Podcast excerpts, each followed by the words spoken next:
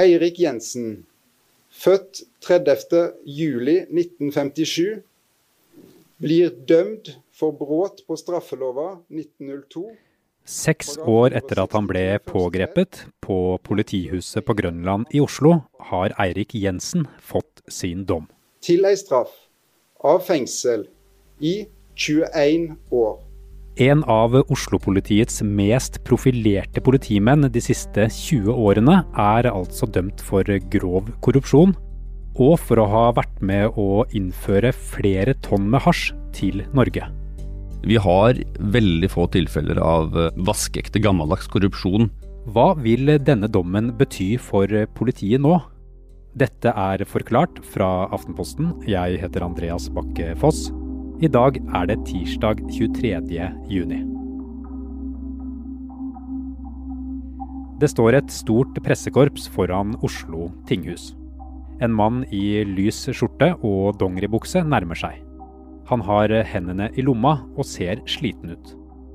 Pressen samler seg rundt Eirik Jensen, som får fire-fem mikrofoner rett i fjeset. Føler du deg svikta? Jeg vet ikke om jeg kan si det, men man føler seg veldig alene. En høytstående leder i Oslo-politiet er altså pågrepet og siktet for grov korrupsjon. Han er varetektsfengslet for fire uker, to av dem i isolasjon, og han nekter straffskyld. Eirik Jensen ble pågrepet i garasjen i politihuset i Oslo i februar 2014. Da hadde han jobbet i politiet i 37 år. Etter en omfattende etterforskning ble han to år senere tiltalt for grov korrupsjon og for å ha medvirket til innførsel av store mengder narkotika. Eirik Jensen har hele tiden nektet straffskyld for anklagene. Fredag fikk Jensen sin dom i Borgarting lagmannsrett. En dom redaktør i nettavisen Rett24, Kjetil Kolsrud, har lest. Dommen er interessant på mange måter. For det første selvfølgelig er den jo en unik eh, sak. Men den, du ser jo også hvordan eh, dommeren her har komprimert inn måneder på måneder med bevisføring i det som for så vidt er en lang dom, men som likevel er et ekstremt tett eh, oppsummert eh, sammenfatning, for å, der man trekker trådene gjennom eh, det overblikket da, som eh, man liksom skal få i en sånn dom. og det for, Mens bevisene i rettssaken er eh, bitte, bitte små brikker som legges etter hverandre, så, så syr han det her sammen eh, til en, en, logikk. Dommen er samrøystes når det gjelder spørsmålet om straffskyld for Erik Jensen. For det første er det viktig å huske på at dommen er ikke endelig. Eh, den eh, er avsagt av lagmannsretten og eh, anket til Høyesterett, men den har på en måte ikke fått det vi kaller rettskraft ennå. Den har ikke fått et endelig punktum. Det, det skjer ikke før Høyesterett eventuelt avviser den eller behandler den. I rettssalen fredag var også Jensens samboer. I den første pausen så får hun gi Jensen en etterlengtet klem. Pressen svermer rundt de to, og de prøver å komme seg litt unna. Det er da han blir prikket på skulderen. Hva syns du om dommen? Spesialenheten for politisaker, som er politiets politi, pågriper Eirik Jensen der og da, i rettssalen. Politiet mener da at, vi som, at det store vi eh, ville vært, eh, vært, støtende mot oss at han var fri, eh, siden han nå er funnet skyldig. Og, og, det er jo spesielt, for dommen er jo ikke rettskraftig. Ehm, men det er vel kanskje også et lite uttrykk for at politiet på påtale tar dette her nesten litt personlig, at en politimann dømmes for korrupsjon. Jeg tror det er veldig, veldig uh, vondt og vanskelig for politiet å se en politimann uh, gjøre seg skyldig i korrupsjon, ifølge lagmannsretten. Eirik Jensen er ingen hvem som helst i norsk politi. Helt siden tidlig i 1990-årene så har han vært ledende og sentral i mange av de mest alvorlige sakene politiet i hovedstaden har jobbet med. Eh, han er jo en sånn blanding av litt sånn superstjerne og, og eh, klassisk eh, detektivfigur.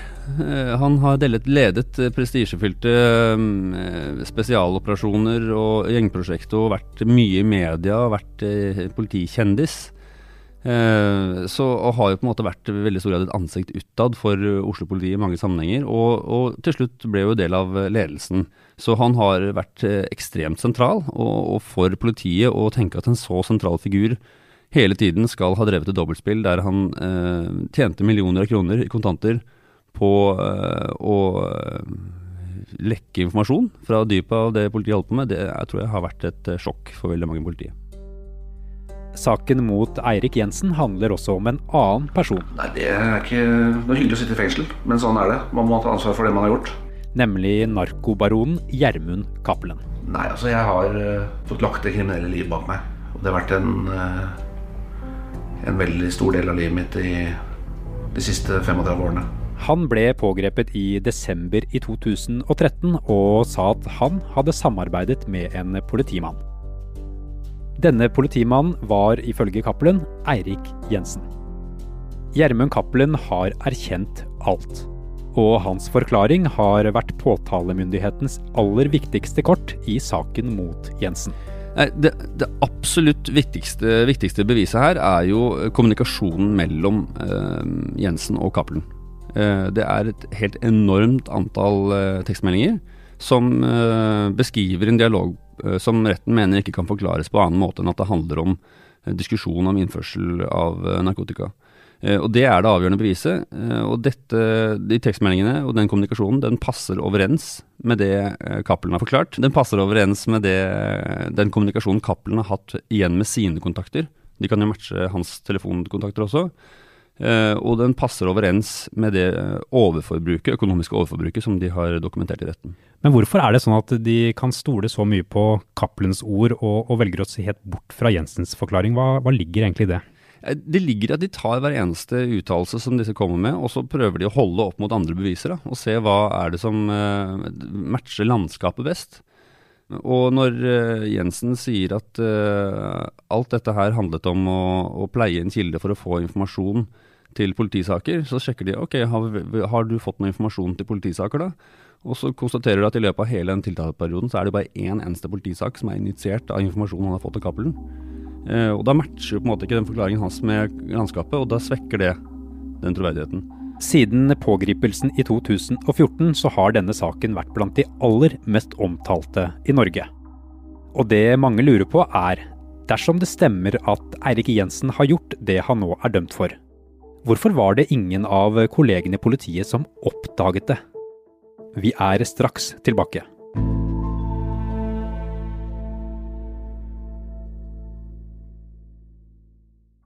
Denne dommen er eh, en liten katastrofe, vil jeg si, for eh, ikke bare politiet, men for påtalemyndigheten og egentlig det offentlige Norge. Vi har veldig få tilfeller av eh, vaskeekte, gammeldags korrupsjon i, i, i, Norge, og i hvert fall ikke i politiet. Og, og dette her er jo litt henta litt ut av en film, da, sånn som, sånn som lagmannsretten legger det til grunn. Eh, det, og I tillegg så ser vi jo her at mange har varslet underveis. Det er flere eh, som har jobbet i Det legger lagmannsretten til grunn. Flere som jobbet tett på Jensen, som sa fra til sjefene at dette her er unormalt. Eh, men de forteller retten at de ble avfeid. Eh, og, det er jo, og det skriver jo retten også, at de finner det oppsiktsvekkende. Eller bemerkelsesverdig. Eller sånt. Det, det ligger, viser noe om at en kultur har eksistert der man har uh, tatt lett på sånne ting. Og det må jo åpenbart gjøres noe med. For det mange lurer på er jo hvordan kunne Eirik Jensen eh, drive det som lagmannsretten mener er nærmest en kriminell eh, virksomhet sammen med en av landets største importører av hasj, uten at noen grep inn?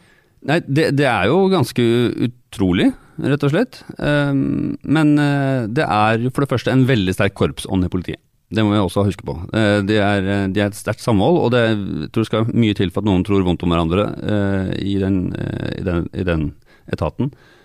Uh, og så har vi jo heller ikke noe tradisjon for det. Altså Vi har liksom ikke garden oppe, kanskje. og, og så var dette her så omfangsrikt, i hvert fall sånn som lagmannsretten beskriver det, at det kanskje ville vært litt sånn fantasifullt å tro på det. liksom. Det høres jo, det høres jo ut som en Jo Nesbø-roman. Um, så, så en kombinasjon av at folk ikke vil tro, uh, og at folk ikke um, har fantasi til å tenke seg størrelsen på det, tenker jeg kanskje kan være en sånn kjerne. Da Eirik Jensen fikk sin dom fredag, kalte Aftenpostens rettskommentator Inge D. Hansen saken for den største politiskandalen i norsk etterkrigshistorie. Men hvor finner vi egentlig den største politiskandalen i denne saken? Det kommer nok litt an på øyet som ser. Ehm, men den eh, Jeg vil vel si at sånn systemmessig så er jo det største, det er kanskje det mest oppsiktsvekkende, at eh, det ikke ble, på noen måte ble grepet tak i de varslene som kom. Eh, at man ikke oppdager det i det daglige, det lar seg skjønne. For at han jobber Altså, disse spanerne jobber jo på sitt spesielle vis og er vant til hvordan de skal unngå oppmerksomhet. Og du vet jo at vi ser jo, Det fremgår jo dommen hvordan han satte inn kontanter i småbeløp fra postkontor til postkontor med 25 minutters mellomrom, kjørte til Eidsvoll og Råholt og satte inn. Så han gjorde jo masse grep for å unnslippe på en måte søkelys på unormale ting. Men det er klar rutine at spanere de skal jobbe i fellesskap, nettopp for å sikre etterprøvbarhet av det som skjer. De skal uh, føre logger, sånn at man hele tiden skal være, ikke skal være i tvil om hva som har blitt gjort. Og disse reglene er jo helt og holdent ignorert. Han har operert aleine. uh, og har ikke ført uh, logg over alle samtalene. Og eh, folk har sagt ifra, og ingen har brydd seg. og det, det, er nok det systematisk største feilet for, for, for politiet. Dommen mot den tidligere politimannen har fått mange til å spørre seg hvordan kulturen i Oslo-politiet var på denne tiden. Når man leser denne dommen, så får man liksom bilde av en litt sånn cowboykultur. Eh, da blir du veldig prega av at denne historien er så spesiell. da.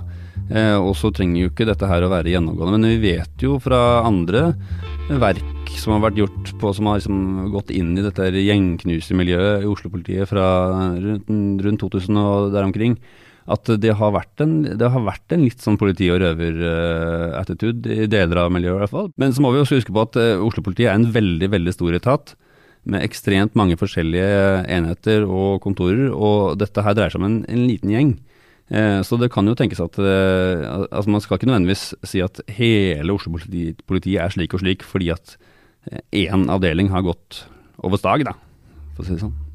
Dommen mot Eirik Jensen er ikke rettskraftig. Men eh, om den blir det, så må han altså sone sin straff i fengsel. Jensen er en politimann som selv har bidratt til at mange har havnet bak murene. Og derfor er han kanskje ikke så populær blant sine medinnsatte. Nå har nok kriminalomsorgen god erfaring med å huse mennesker som er upopulære. Eh, og som har fått seg fiender i det kriminelle miljøet. Så jeg tror ikke det skal bli en sånn kjempeuvanlig situasjon for dem. Eh, Jensen har åpenbart fiender, men han har jo eh, langt, samtidig langt flere støttespillere enn veldig mange andre kriminelle har. Eh, han har jo til og med sin egen heiagjeng. Eh, så, så jeg, jeg vil anta at fengselet tar forholdsregler for å, at han ikke i hvert fall plasseres sammen med mennesker som har, har et åpenbart Som han f.eks. har fengsel, bidratt til å fengsle. Eh, men det har, de nok, det har de gode muligheter for innenfor de eh, rammene som Fengsels-Norge har. Så, så, jeg tror han skal eh, Jeg føler meg overbevist om at han vil få en trygg soning. Nå er denne saken anket til Høyesterett. Det de kan vurdere, er om jussen er brukt korrekt, og straffeutmålingen. Altså hva slags straff Jensen skal få. Høyesterett kan si at de ikke vil slippe inn anken. Da blir dommen rettskraftig der og da, og Jensen må sone sin straff i fengsel. Men de kan også si at de vil behandle anken. Potensielt kan de jo oppheve denne dommen hvis de finner noe lovanvendelsesfeil eller saksbehandlingsfeil. Eh, det ville jo vært helt oppsiktsvekkende hvis de skulle gjøre det. Straffutmålingsmessig er det nok ikke så mye tvil, så jeg ville bli litt overraska om de slipper i den slipper inn straffesmålinga. Så, så, men skulle de av en eller annen grunn finne noen helt sånn avgjørende saksbehandlingsfeil, så kan jo potensielt dommen bli opphevet. Men det, det ville vært helt oppsiktsvekkende.